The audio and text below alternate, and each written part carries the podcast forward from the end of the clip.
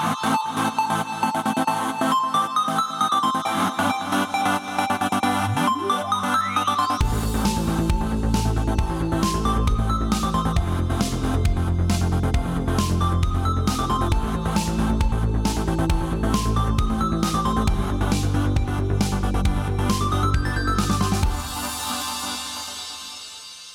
Jaha, hej och välkomna alla där ute. Det här är Nördliv, jag heter Fredrik. De två härliga personerna jag sitter med är Jesper och Matte. Och det här det är avsnitt nummer 314, vilket är sommarens sista avsnitt innan våra sommaravsnitt. Så indirekt kommer vi gå på ett sommaruppehåll. Men för era små öron kommer det inte vara så. Det kommer fortsätta med härliga somriga avsnitt. Eh, nästa avsnitt är eh, faktiskt ett jättekonstigt avsnitt. Det är att vi på förhand ska eh, anta vad vi i slutet på året tror är årets spel inom nördliv. Så vi ska gissa vad vi varandra tror är årets spel i slutet på året. Det är jättemärkligt, jättekul, eh, knasigt. Det heter Oraklet i Delphi, kommer nästa vecka. Um, mm -hmm. Vad som har varit på sistone för vår del, det är ju lite allt möjligt. Till exempel så har vi haft förmånen att få träffa varandra, inte alla, men några av oss i en så kallad nördlig träff. Vi har ju internt lite träffar och så. Det är ju så här, när man har ett härligt kollektiv av nördar så gäller det att ja, ta tid med varandra och umgås. Ja. Um, är det något särskilt minne ni har från förra helgen som ni känner stod ut? V vad var roligast? Mm. Allt. Ja. Oj. nej, jag har inget specifikt så. Um, nej. Så. Uh, jag, jag, tänker mest på när, när jag, jag, jag, liksom står och tittar och ser hur mm. alla sitter i soffan och bara begeistrar N64 på ja. dess spel. Så tänker jag, ja men det här det är mm. kul, föra in lite retro i det. Ja, det, det var ju också kul i och för sig komma på och se lite av en eh, giganternas kamp när vi fick se eh, en smash-fight mellan eh, Jesper oh, ja. och Max. Det var jättespännande. ja. Precis, och det, det får vi se snart igen hoppas jag. Mm. Mm. Uh, det ska bli spännande. Men det är ju, ja, och retro, apropå just retro, jag tänker ju att nästa gång vi har en liten träff här internt, förlåt att vi är interna nu ni som lyssnar, men då, då hoppas jag att vi kommer ha, rada upp massor med retroenheter istället kanske. Vem vet, vi får hoppas det. Vad som däremot inte är retro, det är vad som är på agendan idag. För idag blir det lite allt möjligt. Vi kommer snacka om uh, Eh, Eh, allt från den nya Nintendo Switchen, eller ja, nya, det, vi, vi tar upp det. Eh, sen lite angående just eh, State of Play som gick av stapeln och eh, en mängd andra nyheter. För att inte tala om de spel som vi har spelat. Vi har spelat What the Golf, vi har spelat eh, It Takes Two, vi har spelat Out of Line, Monster Hunter Stories 2 har det känts på lite grann. För att nämna några.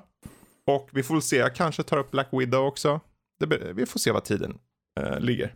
Ja. Men ehm, ja, eh, jag tänker den här veckan också börja, jag kommer inleda med veckans Discord-fråga så vi river av den nu på en gång. Så ni som lyssnar nu, den här Discord-frågan, det kan potentiellt bli den sista innan vi är tillbaka igen i augusti, i slutet på augusti. Eh, det kan vara att det slängs in lite här och var, men i och med att en av nyheterna är just angående Terminator Resistance-utvecklaren Tejon som eh, kommer göra ett Robocop-spel så tänkte vi men det vore väl kul att ställa frågan vilka är de här 80-talets största actionfilmer som vi vill se bli moderna tv-spel av? Så mm -hmm. den mhm. Discord-frågan, den kommer finnas tillgänglig där. Hur kommer man åt det här då? Matte. Man går som enklast in på våran hemsida så finns det en länk där. Precis. Mm. Det kan inte vara mer tydligt. Det står connect till och med bara. Tick, ja. Rakt in. Mm. Härligt. Det räcker bara att söka på Nördliv tror jag så är det liksom första sidan liksom längst fram så står det alla kanaler och allting som finns. Mm. Bara liksom allt. Precis. Precis så. Um, bra, med det sagt så när vi ändå tog upp den här discofrågan med 80-tals uh, aspekterna så tänkte vi hoppa rakt in på nyheterna. Och vi hoppar just på den nyheten där det är eh, Terminator Resistance-utvecklaren då Teon som återigen då utannonserar Robocop Rogue City. De har ju lite, mm, deras eh, backstory är väl lite upp och ner. Eh, de gjorde, om jag inte missminner mig helt, Rambo the Video Game. Ja, uh, rälsskjutaren som alla minns som kanske inte det mest kvalitativa spelet någonsin. Precis. Mm. Men det som är intressant nu att man kan tycka vad man vill om Terminator Resistance, men vad det gjorde var att den var ganska trogen den visionen som man ser eh, på just framtiden då i, i första filmerna. Mm, jag har inget minne av det spelet alls. Jag spelade definitivt inte, gjorde jag mm, inte, mm. men jag minns inte hur det var alls. Okay. Mm. Ja, för jag vet ju att Emil körde det här nyligen. I och med att det, mm. det är ju relativt nytt ändå liksom. Bara två år mm. gammalt så. Men det, mm. Eh, hur som haver, nu ska det ju bli eh, Detroit för hela slanten. Och du kommer då eh, spela som den, ja, gode Robocop helt enkelt. det kommer vara i första person. Du ska jaga sanningen efter vad som har hänt. Det är en massa mystiska grejer. Du har en massa direktiv såklart och så. Och det finns korruption och det är girighet och, och allt sånt där. Men framförallt se till att skydda de oskyldiga och upprätthåll lagen. Ja. Uh, you're coming with me. Tror det kan funka ganska bra som ett spel kanske. Jag tror det med. Jag tror det med. Uh, och det ska ju ja. baserat på, det ska vara baserat på ursprungsfilmerna och kommer under 2023. Oj. Till PC och konsoler. Så det är snart här, mm. säger vi 2021. Mm, ja, tiden går fort. Så. Ja, tiden går ju fort. Den är ju så. Men vi ska inte hålla oss kvar där. Det är ju ni som gillar sånt. Det är bara att se fram emot det. Eh, vad som många också gillar är ju switchen. Och switchen kommer få en ny reviderad version här inom kort. Eh, Switch OLED. Mm. Eh, ja, eh, det, jag vet inte Jesper, du kanske har lite mer detaljer här eller? Ja, alltså eh, i förra veckan då annonserade, eller det var ju till och med den här veckan när vi spelar in nu, som annonserade mm en ny version av Nintendo Switch. Eh, in, som heter Nintendo Switch OLED Model. Eh, och det som är största skillnaden mellan den och eh, den standard Nintendo Switch är att den är, istället för en LED-skärm så har den en OLED-skärm som är lite mm. större. Mm. 7 inches istället för 6,3 eller något. Mm. Och det är ju typ egentligen den enda stora grejen med det dockan är lite annorlunda och den har en eh, LAN-port så man kan sätta in en LAN-kabel mm. för lite kanske stabilare nätverksspelande. Eh, Precis Men överlag annars, så det är ingen 4K DLSS-upplösningsgrej som det har ryktats om. Det är ingenting annat. Det är liksom, det har de gått ut med väldigt tydligt här. Det här är Nintendo Switch med en lite större skärm och det är men det, mm. det är mest för handhållet spelande som det ändras. Och, eh, och just det, ja, det hade mest också så här förbättrad eh, audio så man har bättre ljud på handen. Ja, och dubbelt så stor lagringsutrymme till Just. 62 gig också. Men, um, 64 gig tror jag. Ja, 64, precis så. Ja. Precis så. Uh, ändå, de kommer ju ta, de tar ju en slant, den kommer landa runt 4000 i Sverige med ett riktpris på 349 dollar i, i staterna. Um, och ja, jag, jag blir så här, hur tänker Nintendo här egentligen? Ja, alltså det... Jag vet faktiskt inte riktigt. Jag såg faktiskt att det kom, de kom ut med priset på, jag tror det var Spel och Sånts hemsida som skrev något. Mm. 4699 kronor eller något. Det är ju det är jättesaftigt tycker jag. Ja. För den lilla uppgraderingen från, jag tror det är typ 3600 som i alla fall när switchen släpptes tror jag det var. Mm. Det var i alla fall priset. Jag vet inte riktigt hur det ser ut nu. Man kan säkert få det billigare än så nu. Men eh, ja, alltså de de gillar ju det här med att deras handhållna system gillar de ju väldigt mycket att liksom skapa nya versioner av hela tiden. Vi såg mm. det här med Switch Lite och sen 3DS, sen såg vi 3DS mm. XL, nu Nintendo 3DS. Oh ja. Och... ja 3DS, eller 2DS och alla DS vart ju hur många som helst av kändes DSi, DS Lite, DSA. Precis. Allt, liksom. Så där, någonstans är jag ju samtidigt inte förvånad så. För, men det är just det att all, alla de här rykten om Proen eh, det känns som att, ja, nu, nu, tror inte jag att det här, det här är ju inte proen som alla väntar på, utan proen kommer väl i så fall komma nästa år. Eh, men att de, att de då, för jag funderar mest om strategin är att släppa en nu iteration av den här nu och sen släppa en pro nästa år, då börjar det bli så här, då kanske de avvaktar ett år till. Ja. Hur, hur, hur, hur nära en på en ny, nysläpp av en konsol, även om det bara är små förändringar, är värt för ett företag att släppa. Alltså Mm. För du behöver ju ha ett fönster för konsolen att kunna sälja. För i och med att den lanseras, det står ju Nintendo Switch OLED heter den. typ så här. OLED så blir, Ja, så att folk kommer ju se det som en ny, alltså gemene man som inte, vi nördar, alla ni som lyssnar såklart, ni vet ju det här, ja men det här är ju bara de här skillnaderna och så. Vi är insatta, men för gemene man så blir det, jaha, en ny switch, den måste jag ha. Säger vissa kanske då. Så utan att veta egentligen att det är något, de tar, som du sa där, de sätter till nätverksuttag eh, i port, eh, vad heter det, dockan. Men de tar bort en USB-kontakt. Ja. Så det är liksom, det, det tas bort saker och läggs till och den får en större skärm som är OLED. Och det är bra, det är bra kontrast i det. Det är bra för så här reflektiva ytor och så och eh, det är ju aldrig fel med mer utrymme men kan man inte trycka in eh, eh mer minne i en sån här? Alltså ram eller någonting. Eller, eller vad heter det? Ja. Är det inte så här, vad heter det här Instix? Uh...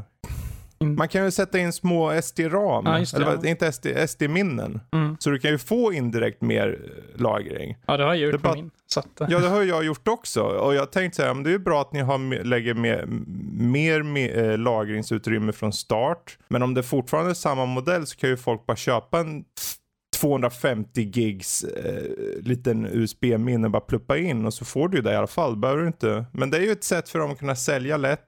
För det ser fint ut på pappret. Nu dubbelt så mycket utrymme. Men jag är fortfarande så här ställd över att de inte bara, ärligt talat, varför skiter de inte i det här och bara släpper en Pro nästa år?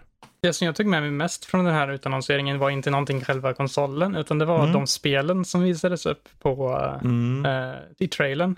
Och de brukar alltid Dread. visa liksom saker som släpps ganska oh. tätt inpå eh, när den här konsolen släpps. Liksom. Eh, man vet ju att det släpps ju 8 oktober, det är samma dag som Metroid Dread, så det var ju Precis. stort fokus på den. Men sen mm. direkt efter det fick vi se delar av Breath of the Wild 2-trailern spelas. Ja, och det, då blev jag också lite så här orolig, tänkte att för alla de här, vi har ju inte fått bekräftat för Nintendo har ju varit som ett par musslor, de har inte sagt någonting. Så den här Pro-versionen som alla rykten har varit, på ett sätt kan det givetvis vara den här också. Ja. Finns ju lika stor, för vi, vi vet ju varken ut eller in vad som är rätt eller fel så att säga. För det finns ju ingen som har sagt något från Nintendos sida. Utan den som vi vet att nu har de verkligen till slut utannonserat något och då var det Nintendo Switch OLED model. Um, och jag hoppas ju att det inte är den här. För alla de som suttit och väntat. Men det, det, har ju lika stor chans att det är det. Ja. Så att säga. Ja, jag hoppas ju verkligen inte det, för jag kommer ju inte uppgradera till OLED, för jag känner verkligen inte att det är värt det.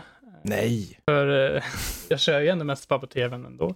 Ja, ja precis. Ja, då spelar det verkligen ingen roll. Eller, nej. Eller jag kör lite mer handhållet nu igen än mm. förut, men jag känner att ändå, det är verkligen inte värt tusen kronor mer för en lite större skärm. Det är liksom, kom igen Nintendo. Precis. Och det, är liksom, det blir ju hela summan och mer om man ska köpa en ny. Liksom. Och det är om man lyckas sälja sin gamla eller någonting. Vilket förmodligen inte är helt omöjligt såklart. Um, men oavsett. Um, vi får hoppas på en Pro. Kanske slut på 2022 då. Uh, mm. Då har de ett år på sig att kunna kränga den här. Um, Vad jag tror är ju typ Eh, att det kan komma med och då kommer det inte komma förrän säkert typ 2023 och det är i samband mm. med Metroid Prime 4. Att de släpper en eh, Pro-modell då. Precis så.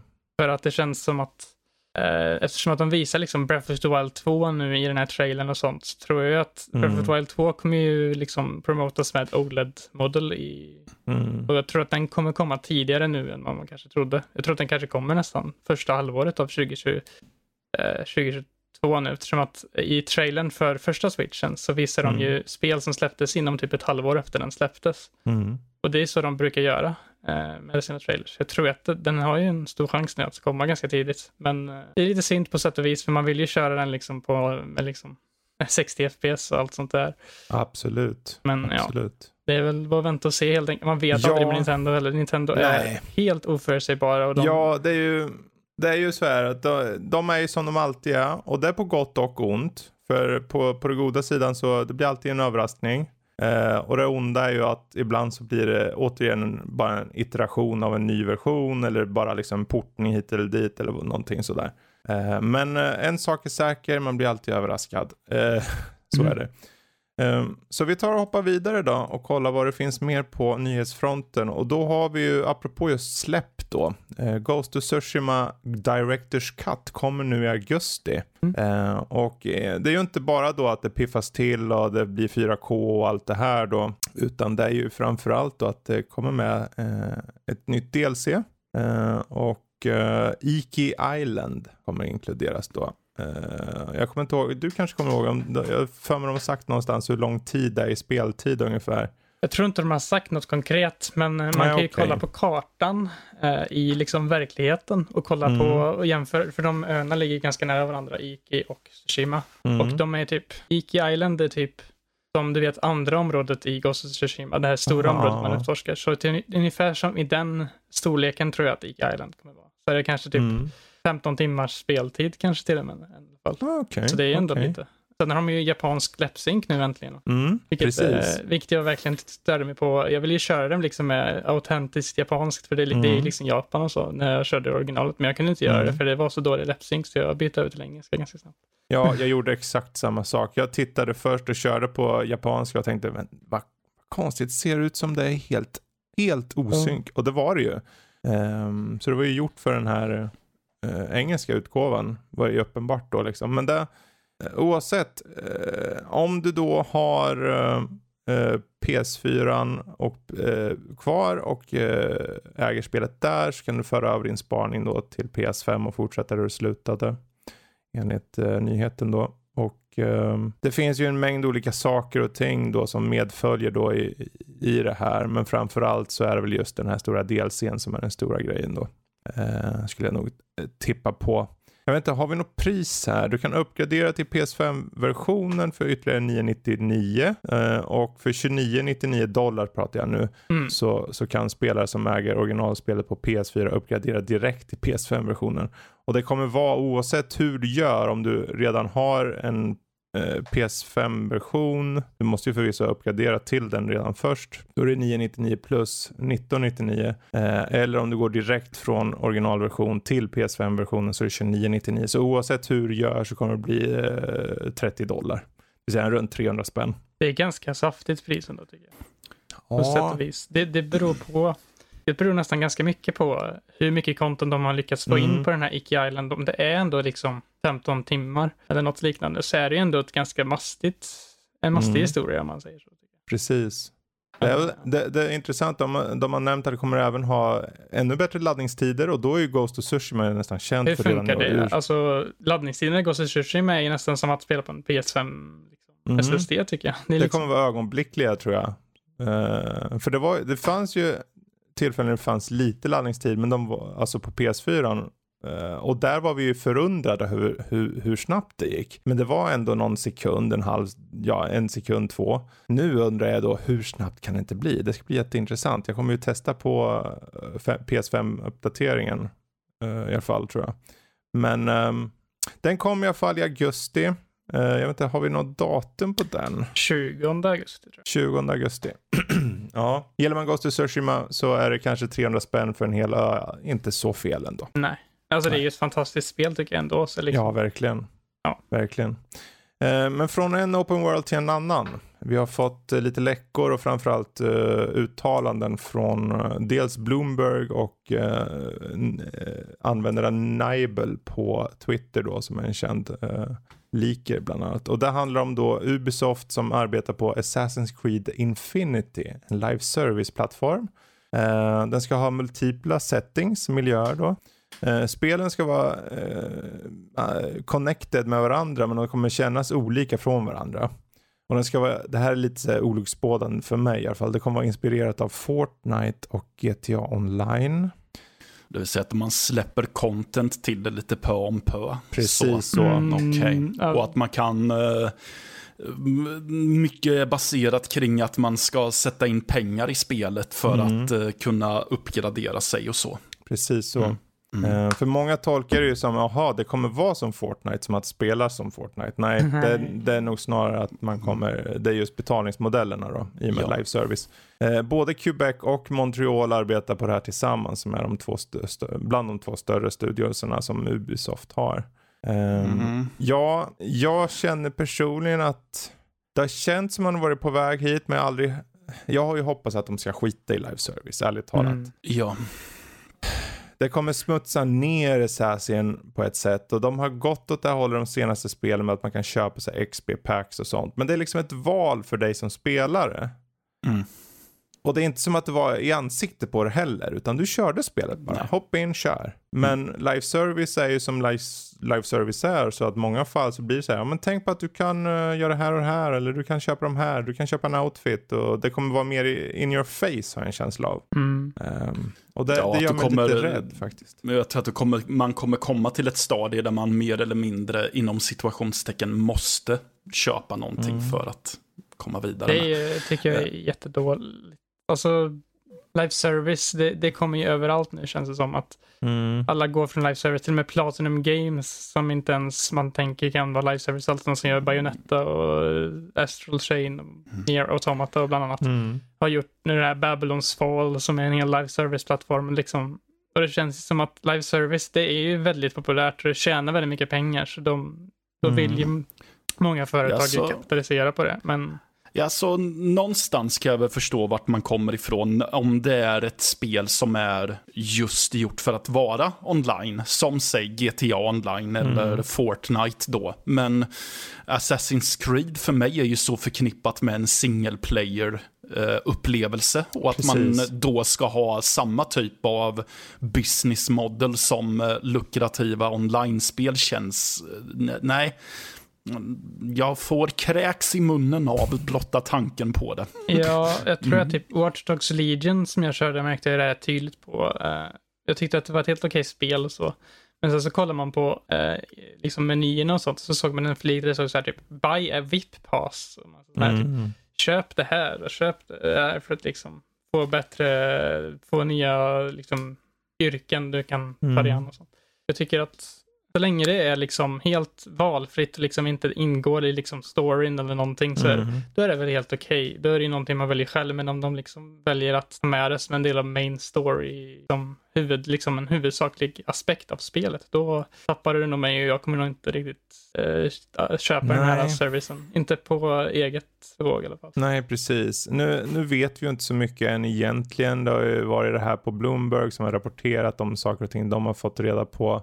Eh, vad det egentligen, jag kan det finns ju, det finns ju populära sådana här live service-spel som Destiny till exempel. Och det har ju gått väldigt bra. Det är ju inte som att de pushar sina saker. Det är mer att det är upp till dig att köpa det. Det är ungefär som eh, första persons Diablo. Diablo i sig, Diablo 3 var ju live service indirekt också.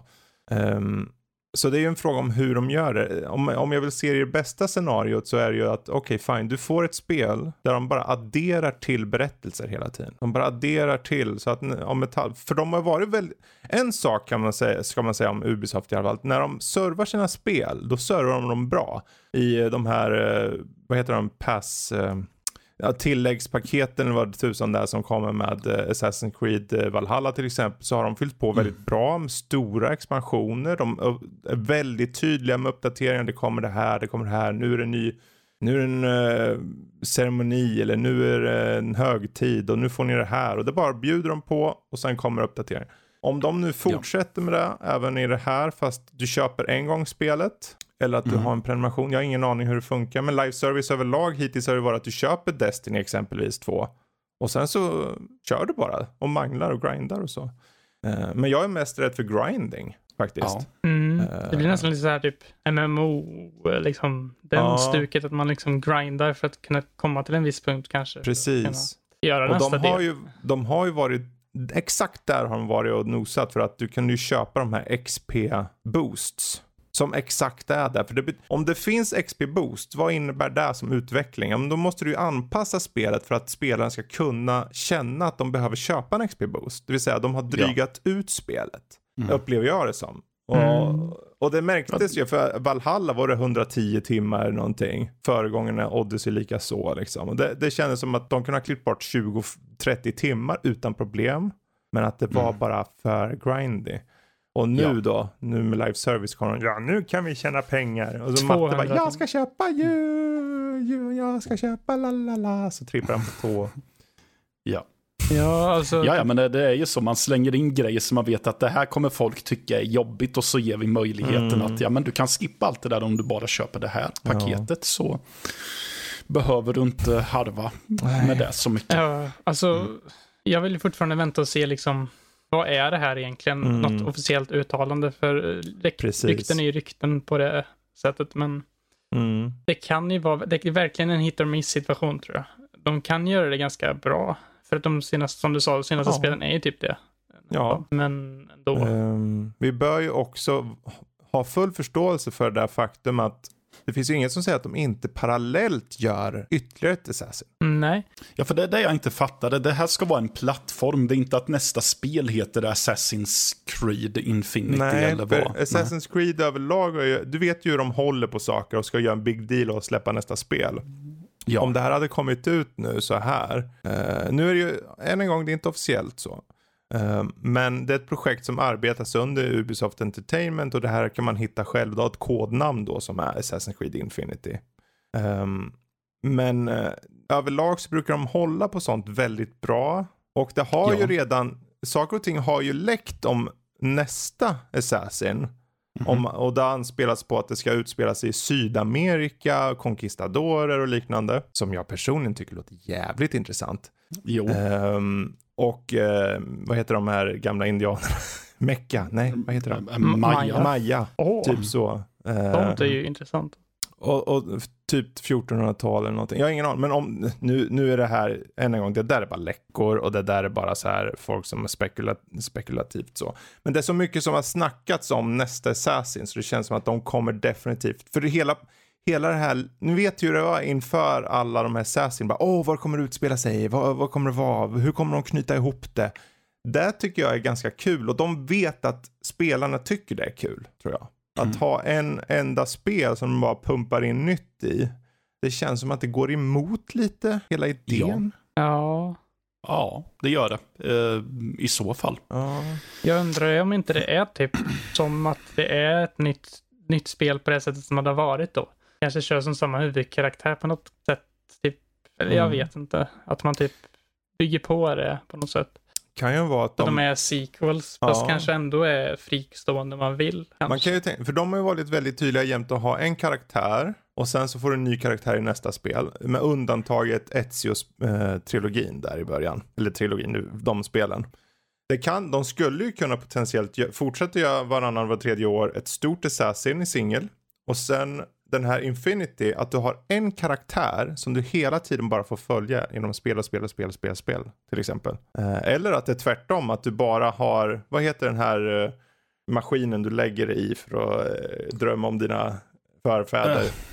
Ehm, Det har jag dröm- glömt. ja, i Assassin i alla fall. Så kan du lägga den där maskinen och då kan ju egentligen vem som helst göra det. Så du kan bara liksom hitta på, ja men du, nu råkar din karaktär känna de här karaktärerna för 300 år sedan. Så, så det kan vara lite hugget som stucket. Ja, men nu är det mycket spekulationer här.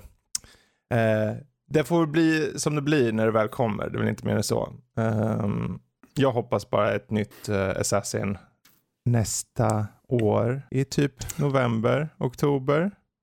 Assassin's Creed, Conquistadorer, eh, pest eller någon form av sjukdom, maya-indianer, mysterier.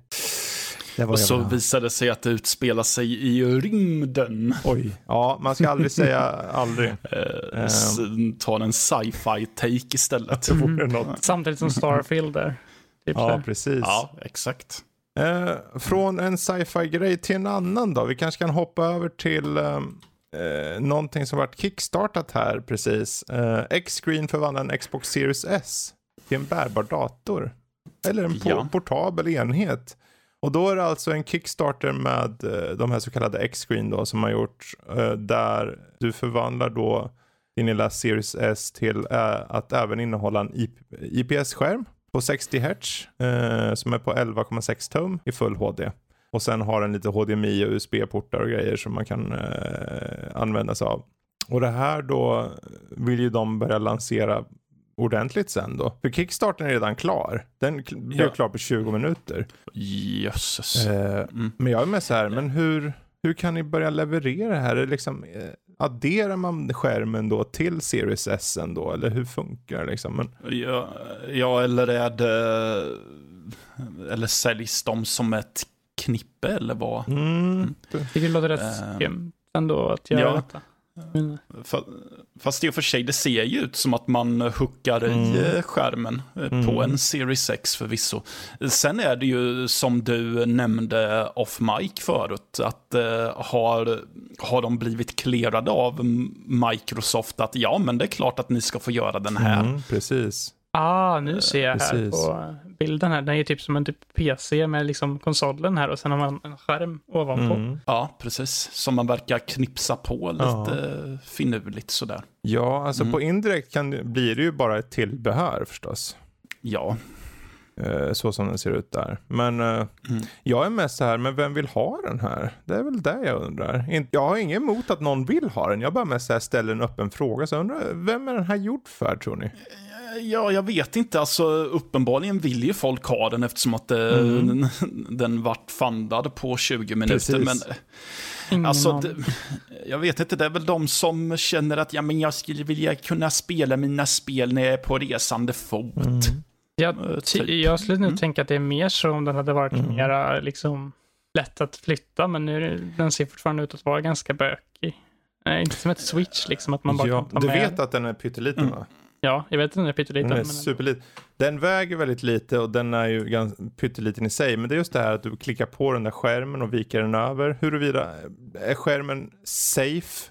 Liksom så att säga från att inte bli skrapad på. För de, den vänds ju in mot eh, fläktbiten eh, biten där. Eller ventilationen på, på Ja. Sirius Ja, det såg lite... Eh, böjer den sig uppåt. Jag har ju inte hållit, jag har sett den på håll men jag har inte hållit i den så jag vet inte. Eh, oavsett, ja, jag vet inte vad jag ska säga riktigt. Jag, jag blev lite så här, på ett sätt blev jag samtidigt glad att se den. För jag tänkte, ja men det, folk hittar vägar.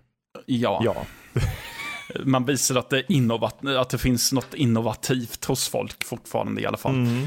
Ehm, men eh, ja, sen är det ju också just där, det känns väldigt mycket gimmick Mm. över det.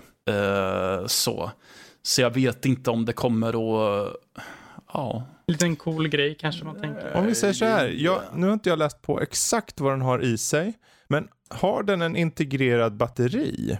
Inte för jag vet om den orkar dra, för uh, series, alltså alla de här konsolerna drar ju relativt mycket ström. Men Mm. jag ser att man pluggar in den i, i strömuttag sådär. Den skruvas fast lätt eh, och du kan liksom ligga, om, säg att du åker på hotellrummet, bara plugga in den i väggen, pluggar på skärmen och så har din grabb eller eh, dotter eh, en konsol att spela på där i sängen. Smidigt, enkelt, så. Mm. Ehm, Eh, jag ser ingenting som är skrivet om eh, ett eh, batteri av Nej. den typen. Jag tror fördelen Så. som de beskriver är att det finns det inget krav för HDMI-kabel. Du bara pluggar in den. Eh, No extra power cable för uh, X-screen. Den behöver inte någon ström i sig utan den får ström från konsolen då som i sin tur får ström från vägguttaget. Eh, Integrerad och klar. Du behöver inte modifiera någonting eller ställa in någonting. Du bara pluggar in och det funkar. Men Mm. jag som PC Master Race, förlåt, jag måste säga det. Men kan man inte bara köpa en laptop? Det, det, det är väl precis det jag har suttit och tänkt på också. Skaffa en, en bra laptop och ha game pass på den. Så. Jag tänker mest på det här med att man måste ha i strömuttagen då. Mm. Liksom, det är ju, då blir det inte helt portabelt på det här sättet. kanske. Ja, nej. Men det, ja, portabelt är det ju på det sättet att du kan ju bara lägga ner det i väskan. Jag menar, en bärbar dator pluggar du ju alltid in. Vart den åker i alla fall. Det är ju om du sitter på tåget, men de flesta bärbara datorer håller ju bara så länge liksom. Så på många sätt och vis är det ju ändå samma sak där, att du, du, du kan slänga den i väskan. Det kanske kommer komma någon, de kommer, det skulle inte förvåna mig om de här X-Screen också lanserar någon specialväska så du kan förvara den på ett smidigt sätt också. Självklart.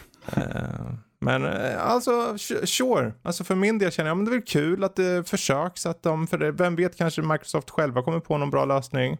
Eh, Eller hjälper dem eller vad som helst. Ja. Och så blir Sony sugna på att hoppa på tåget också. och Så eh, Vita två. Ja. blir, blir, det blir det det nya svarta inom eh, spelindustrin. Mm. Att nu ska vi göra portabla konsoler här. Och då kopierar Oh. oh. Nintendo och då blir det eh, bråk om det. Ja. Precis. Eh, med det sagt, där hade vi den. Och eh, vi avslutar här med lite State of Play. Eh, här bara för några, någon dag sedan så var det ju State of Play. Och eh, då visade det sig upp, egentligen inte allt för mycket, det var mycket fokus på Deathloop på slutet där. Men utöver det fick Ja. vi ett gäng eh, trailers. Jag kommer spoila lite här vilka som togs upp. Moss 2, eh, eller Moss Book 2, alltså det här eh, VR-spelet som varit väldigt eh, kritikerrosat för uppföljare.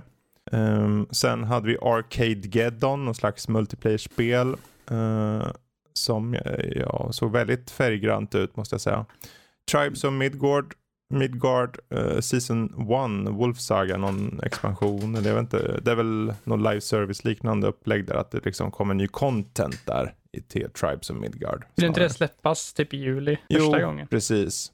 Eh, men framförallt sen hade vi eh, Fist, eh, Forged in Shadow Torch. Jag fattar ingenting av det här namnet. Forged in, alltså det är direkt sagt bara liksom fist. Ja, men, Forged och då är, det- det bör ju tilläggas, det är Fist med bo- punkt mellan varje bokstav också. Ja. Forged in Shadow Torch. Matte, vad betyder det? Ja du, det- är någonting som är smidet i en skuggfackla tydligen. Det är logiskt. Det är alla som... Det- Lotta kan svara på det. Det- det- Men det är ju vad det direkt översatt betyder. Mm. Jag, eh, vi- Ska vi gissa på att Shadow Torch är en plats? Jag tror det också. ja, Eh, Jag skulle ju säga att jag tror att det är något som avslöjas i eh, när man spelar det. Mm. Så kommer säkert titeln vara väldigt logisk sen. Precis. Den fick ju nu äntligen ett datum. Den har ju visats upp ett gäng gånger innan. Eh, Om en lite. Och nu fick den lite mer gameplay och framförallt fick den ett datum.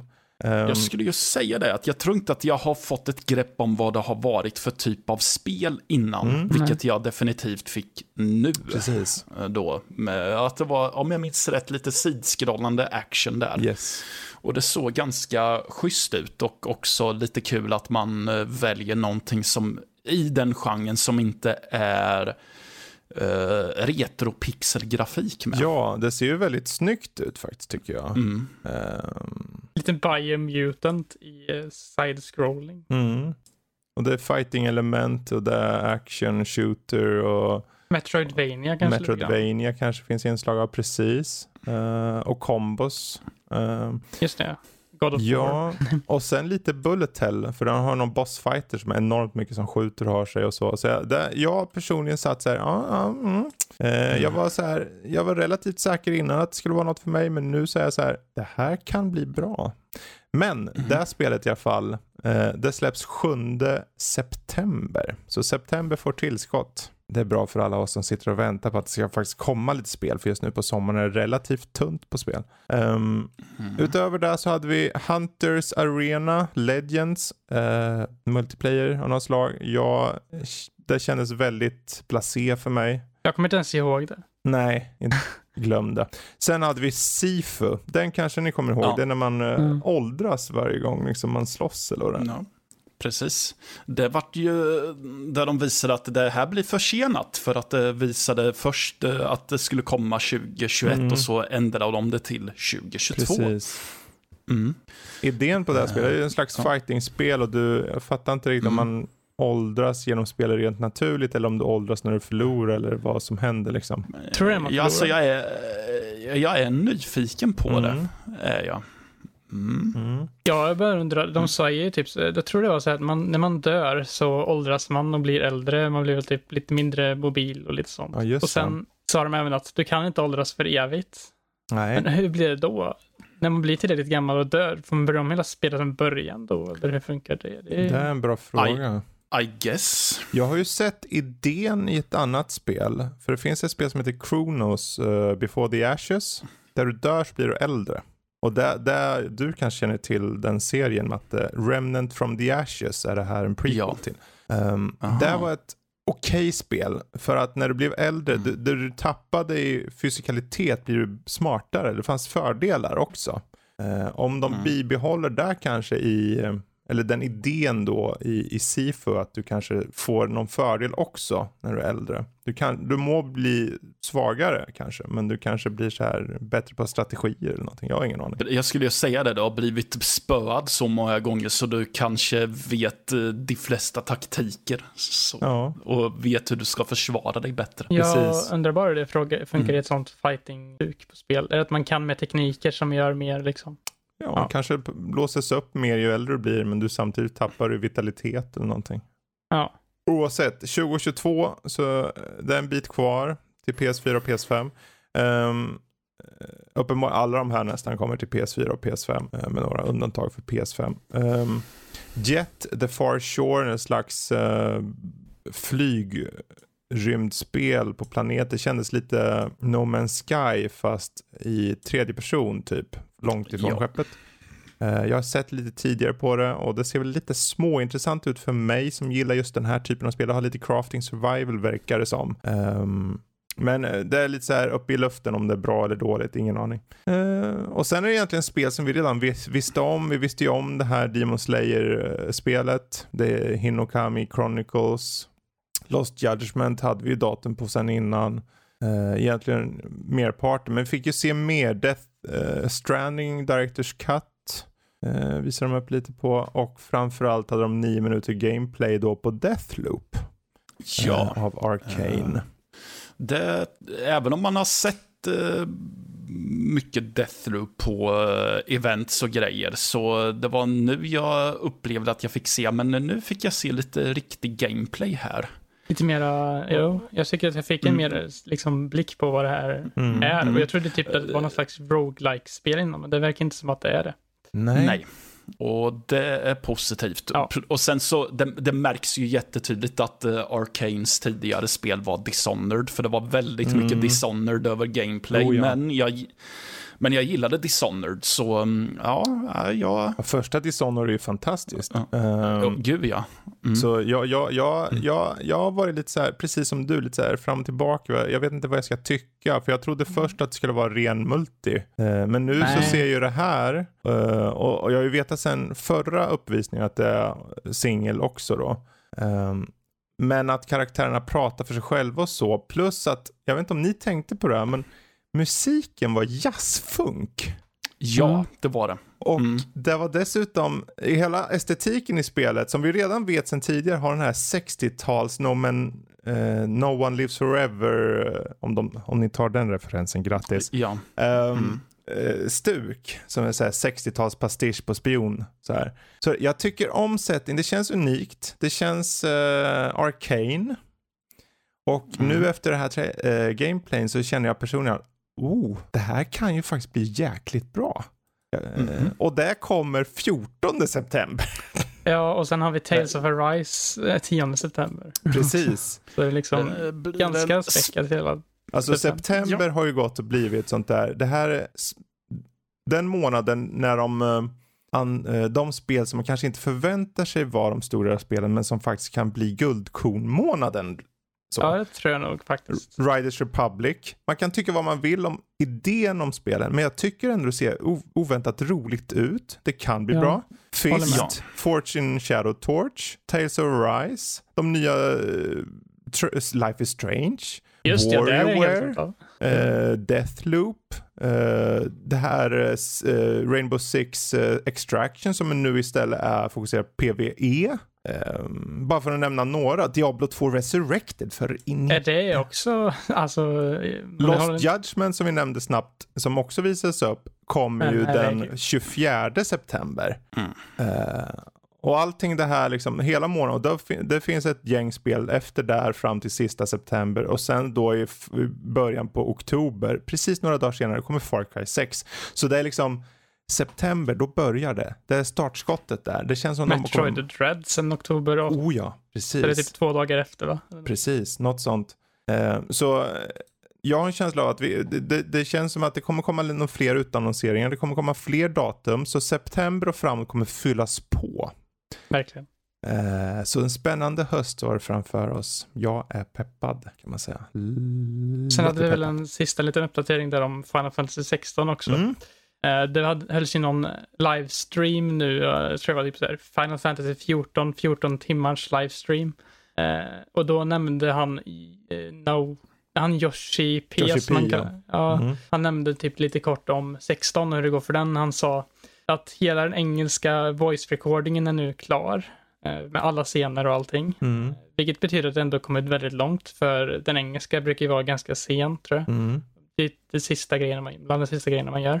Eh, sen sa de att eh, eh, det som var mest intressant var liksom att de kanske missar typ det här stora gaming-eventet, Tokyo Game Show. De kanske Mhm. inte kommer visa något där. De var inte helt säkra på något om de skulle göra det än. När är Tokyo Game Show? September tror jag. Okej. Mm. Eh, Men sen eh, så sa han lite intressant. eh, Nästa gång vi kommer visa det här så kommer vi troligtvis ha ett konkret datum på spelet.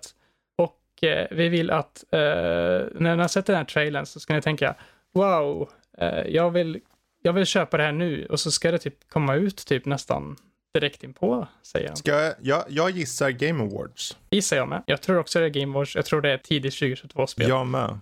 Eh, för det, det passar perfekt in och det, det är inte samtidigt, jag gissar februari för de vill inte Ja. hamna samtidigt med Elden Ring. Nej, Eh, för 2022 kommer bli helt amazing. så. Hur ska man, alltså 2022 kommer ju, allt i uppskjutningens år är ju 2021 och delvis 2020, så liksom allt som skulle komma 2020 kommer ju 2021 och det Mhm. kanske inte var så jättemycket, över- det, det är fortfarande en hel del spel, jag ska inte säga att det kommer lite Sen är det såklart, nu, nu får vi lyssna på vem är det som säger det. Det är klart att Yoshi P säger att det här kommer, ni kommer vilja köpa det direkt. För det är ju vad han vill att folk ska känna. Sen om folk faktiskt känner det när man ser det, det återstår att se. Jag hoppas och tror mycket på Final Ja. Fantasy eh, 16 faktiskt. Um, Jag har riktigt stor tillit till den nu jag har kört en del Final Fantasy 14 Mm, och jag märker ju i, för det är han som har skrivit storyn eller något tror jag. Och, mm, så, och han är även, hela det, de är ju med där och gör 16.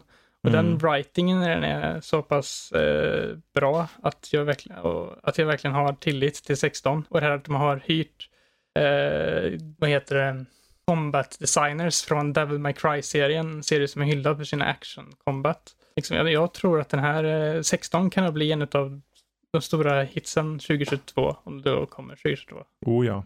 Oh ja. Det tror jag verkligen. Så, Och det är ju, jag menar, vi behöver ju fler spel till 2022. Det är ju så Ja, magert. det är ju Um, så jättelite spel. Men med spel i åtanke så ska vi runda av nyheter nu och faktiskt gå in till där vi själva har spelat. Eh, och jag tänker vi ska gå över till den gode matte här, för du sitter ju och ruvar på ett gäng spel. Jag tänker du ska själv välja Jaså. ett spel som du känner, men det här vill jag prata om nu på Ja, studs. men ska, du, ska jag välja? Vad är det här för Vill jag sabotage? välja åt dig eller? Ja, Ja, då vill jag höra di, din och Jespers tagning av It takes two. Ja, Okej. It takes two är ett spel. Där har vi det. Då hoppar vi vidare Ja. till nästa. Ja, nej men eh, det är ju Hazelights eh, nya spel med väldigt mycket fokus på samarbete. Man spelar som två föräldrar som blir två leksaker. Ehm, Det är lite skilsmässodrama och man ska lära sig att samarbeta och eh, puss, eh, plåstra ihop förhållandet lite igen. Och förhoppningsvis bli människor igen. Ehm, ja. Eh, samarbete är ett väldigt starkt fokus. Mhm. Är det, för att det, jag, jag eh, tror att vi märkte det ganska fort att mycket av, av alla moment bygger mycket på att man faktiskt samarbetar, att man kommunicerar med varandra. Ja. Eftersom att ehm, det är ju många segment där, där den ena karaktären ska hoppa på plattformar. Och eh, det innebär också att en annan måste dra i en spak för att få nästa plattform att komma fram. Ja. Så då måste man ju kommunicera, okej jag hoppar nu. Och så, ja. Ja, som den där Ehm. sektionen där när jag skulle kasta min, man hade sån här hammare och spik tror jag det var. Mm. Du behövde Ja. kasta din spik på plattformar så jag kunde använda min hammare för att Ja. greppa tag i den här för att kunna svinga min vidare till nästa plattform och så. Ja, exakt. Uh, men då sen just eh, väldigt mycket fokus på framåtrörelse. Mhm. eh, Som sker väldigt naturligt och jag gillar, jag gillar pusselbitarna. Gör jag. Mm. De är en bra blandning av eh, logiska och att man måste tänka lite. Mm. Och att det ändå finns eh, lite köra fast potential också. Mm. Eh, så. Eh, sen ja, det känns som att man har mm, blandat så många genrer som man tycker om med och vävt in. Och Ja. jag tycker att det är kul för att det gör så att det hela tiden känns som att det är något nytt som händer hela tiden. Det måste jag ge det verkligen mycket cred för och det är kreativiteten i det här spelet. För det är ju all, det är aldrig detsamma. eh, Alltså liksom, helt plötsligt kan det vara en 2D-fighter och helt plötsligt är det typ Diablo-klon och eh, det är liksom alla genrer i hela speluniversumet känns som att de liksom vävt ihop till en i det här spelet och att eh, det känns aldrig, det känns aldrig stelt liksom. Du, vi satt väl där i 6-7 timmar och spelade typ Ja. konstant. Vi märkte så här, oj, nu är klockan 19 när vi börjar här och sen, oj, är den två nu? Oj. Precis så. Men eh, ja, det känns som ett spel som aldrig tar, det, det tar aldrig någon stopp liksom. Det blir, Mm. det, det blir aldrig något dö, någon dödtid från det roliga och jag tycker Precis. att av det jag har kört hittills så är det nog i alla fall typ topp tre av spel som har släppts Mm. i år. För det är så pass bra alltså tycker jag. Jag tycker det är så skönt bara att se, för när jag tittar på när ni körde så kommer jag ihåg när jag själv körde det liksom. Och, eh, just att de har de här variationen i spelmoment. Det finns ju en grund i den här tredje persons eh, pussellösningsplattformandet. Den är ju konstant mer eller mindre. Men att ja. de varierar upp med de olika typerna av spelgenres typ. Det gör de väldigt måttfullt. De gör det perfekt längd för att det inte ska vara som att man blir trött på det. Utan det blir hela tiden något nytt. Och det tycker jag så det är verkligen det är fantastiskt hur de lyckas balansera det. det Ja. Ja, verkligen. Ehm, ja, eh, möjligen att det, i- det var vissa partier där jag kände att ah, här kunde vi väl ha eh, fått vara kvar lite till. Men, men, eh, ja, men annars håller jag med dig. Det är ju Leave aldrig them så att det håller på. more. Det är, liksom, det är bättre där ja. än tvärtom att vara lite för långt så. Jag tyckte dock Ja, att ja. ett segment kanske var lite åt aningen för långt Mhm. och det var det här när man, Mm. eh, det gjorde det här med bina. Eh, just det partiet Ja. kanske var lite långt eh, i jämförelse med andra. Liksom. att, Jaha, nu trodde jag, för Mm. det var typ tre, fyra bossar eller något i den. Eh, Minibossar Mm. innan man kom till den stora bossen. Ja. Jag tänkte att, Mm. ja nu är det kanske efter den andra, så nu är det väl säkert den stora Vänta bossen. till senare i spelet när man förvandlas till en potatis. Eller Okej. blomma. Mm. Om man ska Ja. vattna Okej. varandra. Yes. Det, jag Ja. tycker det, det här, jag pratade ju förvisso om det här spelet i avsnitt 302 med Lotta och då eh, Mm. prisade jag det utav helskotta, Mm. till och med hon, eh, knasbollen. Så det är liksom, ja, för mig också det här topp tre. Vart på topp Ja. tre, det återstår eh, att se längre fram. Men, eh, Det kommer att placera men sig vad tycker ni om storyn då? Den jag har sett hittills. Jätte- Jag tycker att den är... Jag gillar den jättemycket. Eh, så. Ehm, ehm, man, man, man, man känner för alla karaktärer. Så. Eh, så. Man... d- ja, jag vet inte riktigt vad jag ska Nej. säga riktigt. Eh, Ja. Jag skulle kunna säga att det är Mm. väldigt hjärtfullt. Eller man ska Mm. säga. Det känns som Mm. att det finns väldigt mycket hjärta i alla konversationer. Och Mm. Det, är mycket, det är även mycket kreativitet i alla dialoger och sånt också tycker jag. Att hur de har vävt in storyn i gameplay-momenten och hur liksom det eh, makes sense, eller man ska säga, Mm. till, till det som händer på skärmen. Tycker Mm. de har gjort riktigt snyggt. Och det här med den här boken som pratar med en om Book vissa saker. Och, Eller vad det ja. är. Mm. Ja, ja, det var det jag tänkte. Att man, de lyckas få en att knyta an till parets frustration Mm. i att man har egentligen kommit överens om att man ska dela på sig, men så tvingas man till att samarbeta Precis. igen. Och det är en, det är en blandning av, ja men vi kan det här och att, eh, nej men nu börjar du med dina irritationsgrejer Mm. också. Och så den där jävla boken som man först tycker, eh, Den tycker jävla att, bokjäveln. Ja, ja men för, för, man ser ju, för man ser ju dotterns perspektiv Mm. först bara. Och då tycker man ju att det är bra att boken ger sig på föräldrarna och tvingar dem till att samarbeta. Men sen har man ju knutit an så mycket mer till föräldrarna eftersom att det är de karaktärerna Mm. man spelar som. Så när boken kommer fram och typ eh, förlänger den här pinan som man sen upplever det så blir det, eh, ja. Ja. Eh, så- så märker jag mig själv att jag stör mig väldigt mycket på hans maner. Mm. Men tänker på att det är ju medvetet Ja. Gjort eftersom att jag nu, ja, men, eftersom att jag nu har styrt Cody, mm. fadern i familjen och bara känner så här, men vad fan, låt mig bara bli färdig. Jag, jag, är trött på att vara en lerdocka nu. Det är ju det här att det, vad, vad, är på riktigt? Vad är inte på riktigt? Det är de här eh, psykolog... Det är ju konfrontationer av de saker som de behöver gå igenom som föräldrar. Ja. Som de har som eh, kapitel för kapitel nästan så. Mm. Och mm. Eh, jag, jag, jag tänker inte spoila något, ni inte vara rädd. Men jag kan säga att jag varit ju ganska rörd av hur det slutar. Mm. Um, så det finns, och det är liksom, för mig när jag väl såg slutet så jag har ju hållit på det, jag vill inte säga något innan så, men det, för mig höjdes ju spelet ganska radikalt. Där. Mest för att de knöt ihop det fint och det fanns, okej, okay, det är det som den personen kände. Det var det den trodde hela tiden. Var, aha, okej. Okay. Så där liksom, nu är jag lite så här, går runt såklart som en katt mm. runt het gröt där. Men det, eh, det spelet som, det bjuder på kreativitet, bjuder på plattformen, det bjuder på bra gameplay och det är roligt och har en bra story. Så det är kul att höra. Mycket plus. Mycket plus, mycket plus, mycket plus. Vad som däremot kanske har mycket plus, för jag är väldigt nyfiken på dina intryck hittills i alla fall Jesper, på Monster Hunter Stories 2 Wings of Ruin. Ja. Mm, vad är det då?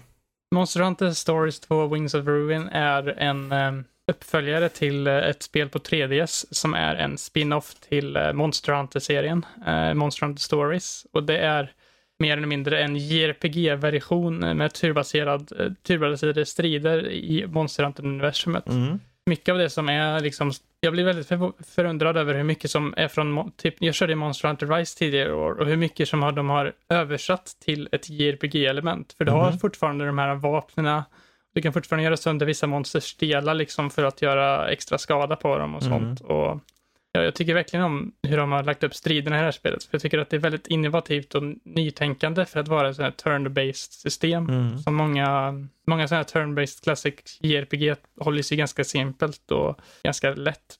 Alltså eh, likadant i mm. spel till spel, men här är det verkligen ett nytt system som jag tycker är väldigt intressant. Spännande. Är, jag hade inte riktigt koll på vad turordningsbaserat, men det är kul att höra att de, men det är ju viktigt kanske att de just tar en egen väg här. Så annars skulle det bli Rise igen fast med en annan utseende bara kanske. Ja, här är det ju lite så här. Eh, om du spelat Nino Kuni och typ mm. Ghibli-stuket nästan lite på hur det ser ut. tycker jag. Ja, just det. Tycker det är väldigt stiliserat och snyggt ändå. Mm. Eh, den har den här eh, cell shading eh, ja. liksom. Ja. Eh, det som är lite synd det är att det på Switch är lite frame drops här och var. Det är ah, okay. ganska shuggy, om man säger ah. så. Men när Men man först att... går i liksom öppna landskap lite fritt så här, och sen när man träffar på fighter då blir det turordningsbaserat allt. Så ja, precis. Ja. Uh, du har områden du går i uh, och sen så kan du hitta så här monster dens uh, mm. eller ett område du går i storyn. Det finns typ skogar och sånt. Mm. Och här kan du hitta liksom monster du kan stridas mot och så finns det oftast en, en liksom ett habitat eller ett näste där man kan hämta ägg. Mm. Så ska man kläcka de här äggen i, en, i ett stall. Eller vad Och då kan man få egna monster som man kan använda och namnge själva och liksom använda i strid. Lite som Pokémon. Ah, typ. okay. Det är typ lite Pokémon X. Låter ju väldigt mysigt ändå faktiskt. Ja, jag tycker verkligen att det är Jag tycker att storyn är ganska wholesome hittills. Mm. Den är eh, löst kopplad till första Monster Hunter Story som jag fattat det. Mans, ens farfar Red, eh, som han heter, eh, ska man försöka hitta och eh, man hittar ett ägg. Man hittar hans, eh, man har sån här kinship stone, vad man heter det. Man mm hittar hans kinship stone och så ska man eh, försöka hitta honom och någon racewing Raffalos som eh, brutit ut och så. Jag har inte kommit så jättelångt in i storyn så jag mm. vet inte så jättemycket detaljer. än. men det finns några karaktärer där som är ganska intressant och sånt. Och sen har man faktiskt en liten irriterande karaktär också, eh, Naviru Mm. Jag tänker lite som Navi i Zelda och Queen of Time. Ja, just det, just det. Eh, som är lite, kanske lite småirriterande, men eh, ja, det, det, får man vänta sig. Det är ju liksom ett ändå. Mm. Det finns ju alltid lite sånt. Men hittills tycker jag ändå att det, jag kanske tycker mer, kommer tycka mer om det i slutändan än Monster Hunter Rise hade talat. Mm. Faktiskt. Jag tycker mer om den här spelmekaniken, att det kommer ta slut vid något tillfälle. Det är liksom mer koncist på det sättet att mm du har en berättelse du följer och den är mycket mer konkret än gå och döda det här monstret och sen döda det här monstret och sen döda det här monstret. Mm. Eh, för det är lite så här också, fast det är mer, liksom, mer en story också som mm. man följer. Även om det inte är det i Rise också, men den är mycket mindre, eh, den är mycket mer subtil och väldigt... Är, den mer, är det mer open world feeling i Rise än här eller? Nej, det skulle jag inte säga. Där är det mindre så. Skulle jag. Okay. För det är typ en hub, ett hubbområde du är i och sen så går du ut på uppdrag mm. i lite mindre områden, typ någon, en skog, en vulkan eller en frostland. Så, så mm. dödar du monster där och så går du tillbaka och använder de här monsterdelarna för att skapa nya vapen och sånt. Eh, men här har du liksom en sammankopplad värld med städer och mm. liksom öppna ytor och sen kan du gå in i sådana här små områden och döda monster och eh, ta deras monsterdelar och sen göra röstning och vapen av mm. dem och sånt. Mm. Så det finns ju många likheter, men jag skulle säga att Stories 2 har mer eh, liksom en utforskarkänsla än eh, mm. Rise har. Ja, om vi säger så här, du kommer ju ge lite mer djupare intryck av det här längre fram. Eh, om någon vecka eller två veckor så någonting. Så är det som man liksom, det bara har koll på nördliv.se så, så kommer ni se när det kommer. Då får ni veta exakt vad den gode Jesper känner. Men jag tycker det låter lovande ändå faktiskt. Uh, och det släpptes ju häromdagen bara. Det var ju igår i inspelande mm. stund. Uh, för vi spelade in den tionde nu och det var ju nionde igår där så. Men uh, bra, vi kan väl hoppa vidare då. För jag tänker, jag har ju faktiskt sett en film. Så jag ska riva av den enda filmen som står med här då. Och den kan jag göra lite snabbt då. För jag, jag är ju Marvel fantast nog att ta i. Men jag, jag gillar Marvel. Men gillar jag Black Widow-filmen som släpptes? Jag såg den i... Det var den bästa du sett. Det är en film och den har action i sig. Ja, oj. Uh... Okej, okay, det är så illa alltså. Det, nej, alltså det är inte illa. Den är bara, det är ju som en actionfilm är bara. Du får vad du är ute efter. Det är underhållning för stunden, men det är inte mycket mer än så. Uh, den här utspelar sig för övrigt mellan Civil War och Infinity War, så det är alltså en prequel kan man säga. Mm, um, och uh, i och med att, ja, jag tänker inte säga varför, för att jag vet Matta inte har sett vissa saker. Men eh, den här filmen då, du får ju ta del av Black Widow och vad som händer henne och hennes familj då. Är de hennes familj? Är de inte hennes familj? Vad är det som pågår där? Um, hon ska i alla fall rädda vissa antal personer och framförallt ta ut en viss bad guy som har gjort eh, oförrätt. Och det har mycket fokus med hennes bakgrund då och det röda rummet, alltså de här HGB eh, stället där de liksom hjärntvättar eh, de så kallade Black Widows-agenterna till att bli supermördare. Och ja, Scarlett Johansson gör ett bra jobb ifrån sig. Hon uh, hon är pålitlig, hon vet hur hon ska agera och det känns, hon går all in i en film som kanske inte i sig går all in. Uh, men den som står ut uh, spelas av Florence Pugh, hon heter så. Hon spelar Jelena Belova och hon är syster till uh, den goda Black Widow. hon står ut mest här faktiskt, tycker jag. Hon är väldigt, de har väldigt bra kemi mellan varandra. Och någonstans känns det som att de bygger upp för att hon kanske också ska fortsätta här uh, i MCU längre fram. Sen att de har David Harbour som pappan. Uh, och Rachel Wise som mamman. Bland, för, och Ray Winstone som en karaktär också med i berättelsen. Det är bara några av karaktärerna som är med. Och det, jag tycker överlag det är en okej okay film. Okej okay action, men that's it. Så. Uh, det är inte en film som du kommer tänka, åh oh, den här bara måste jag köpa, eller den här vill jag se om. Det finns inget att se om riktigt här. Och i och med att det är också en prequel så, så det är ingen idé att du sitter och väntar på den här stingen efter uh, end credits. För det sätter upp saker som du redan kan gissa innan du ens, ens sett filmen egentligen. Uh, I alla fall för alla er som har sett alla tidigare Marvel-filmer, alla de här Infinity War och eh, Endgame och allt sånt. Uh, men är det så att ni är på lite spion, action, humör så, så varför inte? Spring ut till biografen, titta, eller köp den på eh, Disney+. Plus. Jag tror man kan köpa den där. Uh, och där har vi det. Black Widow. Svarta, Svarta änkan. Scarlett mm. Johansson. Mm.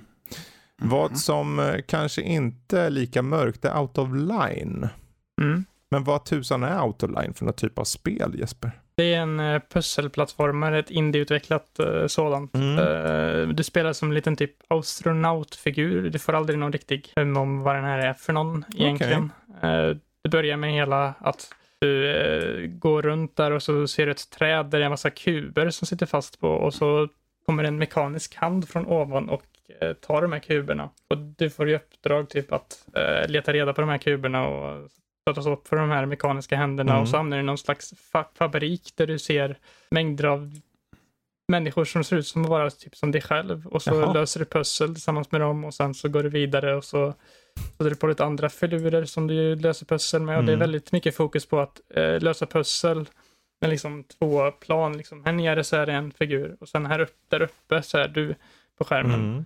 Och eh, så ska du, du kan kasta ett spjut som du har för att skapa plattformar åt dig själv. Eh, Okej. lite sånt. Så det finns så mycket strategi hur du tar dig fram och så på det sättet också. Jag tycker det är väldigt mysigt. Mm. Eh, Ser ut att ha en väldigt eh, egen Mm. stil också.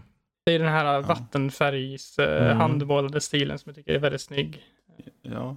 Sen har du ju, eh, vad heter det, har en sån här ambient soundtrack som jag tycker passar väldigt bra till. Mm. Den, den är bara typ så här två, tre timmar långt. Ja. Eh, så det, Okej. den kan du köra igenom på Mm. någon sittning. Eller. Oh. Mm. Det, Alltså mysigt men ändå lite dystopiskt ser det ut att vara tycker jag. Ändå. Det, det Ehm, är det typ. mm. För eh, Ja. jag ska inte säga något, men slutet så förstår man vad det egentligen handlar om. Eh, Ja. Eh, Och det är ett väldigt fint budskap måste jag säga ändå. Mm. Okej. Ja. Jag, jag rekommenderar om du vill ha en liten kort upplevelse med lite Ja. plattformande och lite pusslande. Eh, Jag är ju väldigt förtjust i just pusselplattformare. Är jag. Jag tror du skulle gilla den. Ja, Jag tror inte det var så det jättedyr heller. Så här, nio, eh, det var på någon rea nu nyligen. Ja, jag ser på Mm, Xbox okej. kostar den 129 spänn typ. Uh, vilket är okej kanske då. Jag vet inte, det Ja. beror väl på. Ja. Om, det, om det är så bra som du säger, då är liksom 129 spänn absolut värt även om det är kort ja. faktiskt. Mm. Jo. Jag blir ju själv Definitivt. sugen bara Men- att höra att det är så Ja, kort. det- Jag bara, men då kan jag faktiskt bli, köpa det och bocka av det bara. ja. Eh, finns det på alla plattformar eller måste jag springa och köpa något annat, någon annan maskin för att kunna spela det? Det ska finnas på PC som jag recenserade på. Och sen eh, Ja, och så. PS4, Xbox och Switch. Ja, precis. Det det verkar finns finnas på allt möjligt så. Uh, Jag tror det är en väldigt liten publisher också. det var typ en finns ju på Steam också ser jag. Det kostar, Ja, jag tror det var på Steam som det var på rea förut, så den kostade typ 90 spänn. ja. Okej. Jag vet inte om Mm. den redan är kvar, men Nej, den ser inte ut att vara där. Men den kostar 10,79 euro, så det är inte så dyrt i alla fall. Faktiskt. Mm. Hmm, kanske blir på en Xbox där för mig då. Mysigt. Mhm. Ah, mysigt, mysigt. Out of line. Ja. Bra. Eh, går jag out of line om jag själv hoppar till mig själv och pratar lite spel, man tror? Eh, Nej, det tycker jag inte. Nej. Det, är där, det är därför vi är Det är ju här. så här att när det kommer till mig Mm. så gillar jag att köra Mm. på folk. Jag gillar att köra på folk, jag gillar att tackla folk, jag gillar, gillar att släppa sådana här linor med så här, eh, vad heter det, med spikes och grejer så att bilarna bakom bara exploderar i ett hav av blod och eh, aluminium tänkte jag säga, men inte aluminium. Det är väl dålig bil om den är aluminium kanske. Men eh, jag har ju kört Need for Speed Hot Pursuit Remastered bara för att jag kunde. Den kom på Game Pass och jag tänkte, ja men jag körde den då. Varför inte känna av lite grann? Eh, jag kände Mm. av i tio timmar och kom på att jag I tio ska nog... timmar, ja. Mm. kände av i 10 timmar. Det var... Ja, ja, men eh, det var ju typ så som jag pratade om ett annat spel förut. Att jag ska bara känna lite på det och sen oj vad många Precis. timmar det var som försvann. Precis så. Men det är ju, alltså för mig är det ju, just det här spelet, eh, det var ju Criterion Software som gjorde det. Och Criterion känns igen, för de gjorde ju Burnout när det begav sig. Eh, Mm. Och det märks i Hot Pursuit, Hot Pursuit, för att när du kör på, för du kan ju köra som vanlig vanlig person liksom som kör något så här snyggt åk så. Du kan ta det till mål liksom Ja. så snabbt som möjligt. Sen kommer snuten och jagar dig. Eh, Eller Mm. ibland så byts ut och du får köra som snut och ska ta ut och släppa spikmattor eller sätta upp roadblocks och sånt där. Ah, Eh, och det är liksom, det, Mm. det är enkelt, det är tydligt och det roliga är att det är så ko- korkat också på ett sätt för att den här då, Need for Speed Hot Pursuit Remastered, det är alltså en remaster på den som kom 2010. Men det fanns ett Hot Pursuit innan också. Släppte- Okej. så först gjorde de en, och sen gjorde de en remake kan man säga som hette Hot Pursuit som kom för tio år sedan. Mm. Och sen nu har de gjort en remaster. På remaken. Remastered remake. Ja, precis. Mm.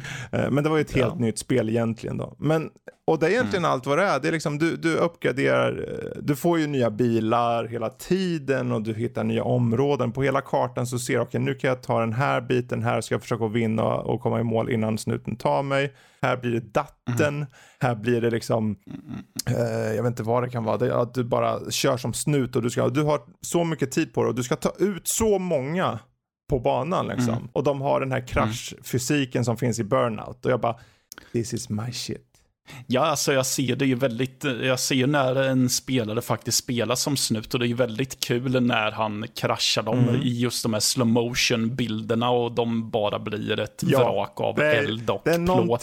Det är väl, jag har väl någon form av eh, kink där som säger det, men du gillar att slå skiten ur saker.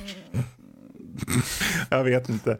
Men en sak är säker, jag har Game Pass och jag kan komma åt det och jag tänker, har ni där ute och ni gillar någon form av racing, då är det bara att köra det här säger jag bara. Eh, ni har inga mm. att förlora. Det enda som är, och det bör tilläggas, för på alla de här banorna, du kör ju för att vinna uh, guld, silver eller brons.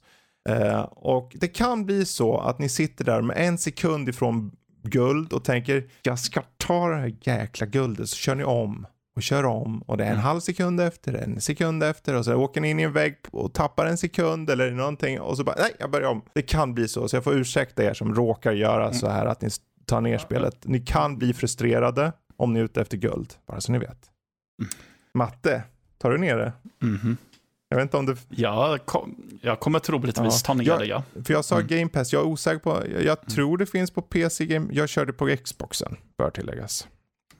Men jag mm. har för mig att det fanns även på den goda PC-versionen. Yes, det gör det. Så det är bara att köra. Matte, du är beordrad. Du ska köra eh, och köra ner folk som snut. Jaha. Tack och förlåt. Um, då så. hmm, vi har Little Nightmares 2 och Return. Jag har förvisso pratat väldigt mycket om Nightmares 2 här bara för några avsnitt sedan. Men Returnal och dina intryck, i alla fall initiala där, vore intressant att höra. Så får vi se om vi når eh, Little Nightmares 2 också. Uh, Returnal. Mm, ja, vad finns det att säga om det som inte mm. redan är sagt? Det har jag också gått igenom ganska uh, mycket förvisso. Ja, precis. Man kraschar på en plan... Uh, Okej, okay. tillägga ska, jag spelade ju inte ifrån början, mm. utan jag testade ju på din PS5 med din uh, sparfil. Mm eh, gjorde jag. Men man kraschar ju på en planet och så är man i en dödsloop och så springer man runt och utforskar och skjuter saker och mm. hoppas att man inte dör, vilket man ändå gör. Så. Um, det är svårt, mm. är det. Uh, men inte ifrån början, för jag fascinerades lite av att jag till en början kände, ja men det här är ju en baggis, det här, det här fixar ju jag. Men sen efter ett tag så märker man, oj shit, nu är jag typ överväldigad. Mm. Så. Eh, så, och det är ju väldigt lätt att man kan, eh, att man kan fastna i och tycka att ja, men det, nej, varför ska jag slösa bort på den här skiten för när jag ändå måste börja om från början när jag dör. Mm. Men jag, jag, vet inte, det är någonting med det som ändå gör att jag är villig att uh, starta upp det igen. Jag tror att de väcker lite en... Det är just eftersom att det är ett sånt fokus på utforskning. Mm. Så blir det att ja, men jag vill ja, men jag vill undersöka det där hållet den där mm. gången. Och uh, att det, det, att det, det känns som att, att det finns något nytt att upptäcka i spelet. Precis. Uh, vid varje uh, omstart. Um, och sen är det ju bara, det är kul tycker jag. Mm. Vä väldigt,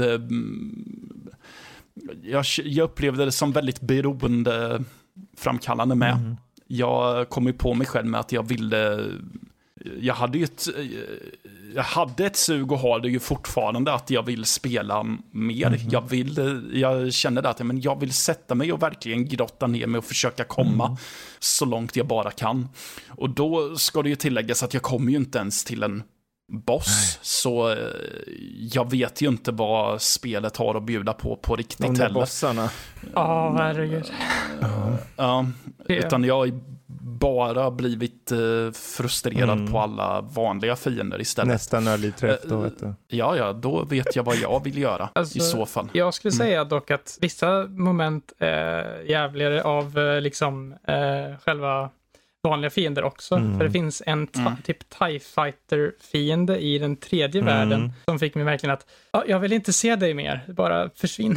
för de liksom sköt med mm. missilerna på en, de gjorde massiv skada, jag visste inte jag skulle undvika dem och mm. liksom. Usch, ja. Då skulle jag komma, jag måste typ göra en jättestor område för att komma till bossen igen. Så det var liksom, jag hade Mm. jättelite liv när jag kom till bossen varenda gång. Precis. Eh, och då kändes det liksom, Det är ju det, att man behöver ta- lära hade- sig att bara skita i fiender ibland. Det är det som jag tror är Mm. viktigt i det. Att du behöver ta reda på, okej, jag, jag ser där på horisonten, där har vi en sak jag kan, en pryl jag kan ta eller någonting. Ska jag ta den, ska jag inte ta den? Okej, jag chansar, jag springer dit, tar ut dem jag kan, försöker hålla undan eh, och sen ta mig vidare liksom och nå bossen och ta bossen och, och så. Eh, och nöta liksom. nöta, verkligen. Ja. Det är liksom, Mm. Alltså jag märker ju det när man kör Returnal. Eh, Det var ett tag sedan jag körde nu, men man blir ju bättre och bättre och man får det liksom i sig. Eh, De första området tyckte man var Mm. lite så här lurigt i början. Men sen när man har kört ett tag så är det liksom, det bara mosar allt där och liksom, Precis. det blir nästan som en barnlek för det. Och sen så kommer du då till nästa värld och sen är det mycket svårare där Mm. plötsligt. Så det är verkligen ett, eh, man måste lära sig varje område in och ut. Och hur bra man lär sig och hur fort man lär sig, det beror på spelaren. Men jag tror att, jag tror ärligt talat att de allra flesta, om man bara sätter tillräckligt Mm. mycket tid på, på det här spelet, så tror jag att de allra flesta faktiskt kan komma en bra bit och till, kanske till och med klara ut det. Precis så. Eh, Och då bör det så- tilläggas också att spelets berättelse, nu missar ju du mycket för att du körde min sparfil där, men det, liksom, det sätter ju upp den här, de konstanta mysterierna och cosmic horror då som finns i spelet. Eh, som att hon hittar sitt hus liksom och det är fotografier på personer och varför följer en astronaut henne? Eh, massa märkliga saker och det är liksom det är lite så halvpsykedeliskt möte David Lynch in space. Det är, Mhm. de aspekterna vill ju jag att du ska ta del av också. För nu missar du dem. Liksom. Det, det vore Jo, intressant förvisso. att se dina intryck efter. Så. Men eh, ja, en Mm. vacker dag kanske ha en PS5 och då blir det åka av. Ja, Ja. det blir åka av. Mm, det Vad som också blir åka av det är ju Little Nightmares 2. Vi ska riva av den lite kort. Vi hade det förvisso Ja. för några avsnitt sen. Men eh, jag är nyfiken på vad Mm. du tycker. Du har ju kört nästan genom hela spelet. Du skulle ju bara känna på Ja. det lite. Jag skulle bara känna på det igår kväll för jag hade inget annat för mig och då... eh, Ja men, eh, jag spelade tre timmar, tog en paus för att jag behövde äta och sen vart det, ja men... Ja, men jag, jag kör lite till och sen uh, insåg jag att jag är nog troligtvis eh, i slutet. Jag skulle bara känna Ehm, på det lite. Ja, men det, det är också lite det här. Det, har, det, det, är ett sånt fokus på framåtrörelse, så det känns som, så det, just på det sättet att man hela tiden vill springa vidare och se vad som kommer härnäst. För det har ju, det, har ju lite som ehm, Limbo och eh, Inside just att det finns ju en story förmodligen så, som är större än just att man är en liten krabat som ska ta sig från punkt A till punkt B. Men den försiggår väldigt mycket i bakgrunden och i miljöerna. Ehm, och det är ju mycket det som är, jag vill se vad jag kommer att stöta på härnäst. Jag vill se hur dana miljöerna är och jag vill se om jag får någon, något svar på vad som försiggår i uh, backdropen då. Eh, ju- väldigt förtjust i problemlösningen. Eh, det, det är några som är lite mer avancerade än andra. Eh, men det, de är väldigt sällan medvetet gjorda på ett sätt som... de, de, är väldigt sällan gjorda att du ska köra fast. Utan de, eh, är, jag tycker att de är väldigt duktiga på att subtilt eh, lägga fram verktygen till ett förfogande så att du förs- förstår att aha, det är det här jag ska göra. Eh, så. Ehm, stämningen är ju något i hästväg. Jösses. Det är obehagligt, det är spännande, men också lite mysigt och rörande på ett sätt också. Eh, så. Jag, gill, jag är väldigt förtjust i eh, funktionen att man kan, eh, av någon anledning tycker jag att det är jättemysigt att man kan hålla i handen med den kompanjonen man har. Eh, så. Jag tycker det finns, Ljud. förlåt jag avbryter. Jag tycker bara det finns ett öga till detaljer i spelet. Ja, Den här känslan och sen att hela spelet är Mm. utan någon form av gränssnitt egentligen. ja. Mm. Mm. Ehm, ljudbilden är ju fantastisk Oh, med. ja. Eh, Det, det finns ju melodislingor som kommer, men det är ju väldigt mycket som bara är ambiensljud. Men- Men som passar jätteväl. Och sen är det ju just för det, det, som gör att stämningen är så bra, det är att det, det är en sån ständig känsla av hot. Mm. Eftersom att man är väldigt liten och allt är så, så, mycket större. Så. Med. Det, när jag körde så. det här, jag kände mig mer förskräckt för det här än när jag körde Outcast, eller vad heter det här? Outlast, Outlast och sånt med Emil och så. Ja. Det här var så, man var så mm. utlämnad och det var så ja. vridet allting liksom. Ja, exakt. Ja, alltså uh, detta fick jag mer obehag av än hela Resident Evil 8. Ja, ja, ja. Överhuvudtaget. Mm. Alltså den var ju inte ens... Det var ju ett actionspel ju... i jämförelse. Det var ju bara ett litet sött actionspel. Det här är ju verkligen, jag tycker verkligen att jag håller med dig om mm. det här med att mm. det är ju ändå mysigt på något sätt. Mm. Ja. Det, det, är ju mm. inte bara det här äh, konstanta. Jag, liksom. jag sa det i avsnitt, var det 312, jag tror du var med då Jesper, att det här tror jag är ett av årets bästa spel. Den kommer komma ja. jättehögt. Ja, gud ja. Ja, um, svenska spel i år. Ja. It takes ja, two men, och Little Nightmares 2. Men precis, jag, jag, tror att eh, skräcken eller obehaget i det här görs så bra för att det är som du säger, det är så förvridet, mm. så det är så svårdefinierat allting. Ja.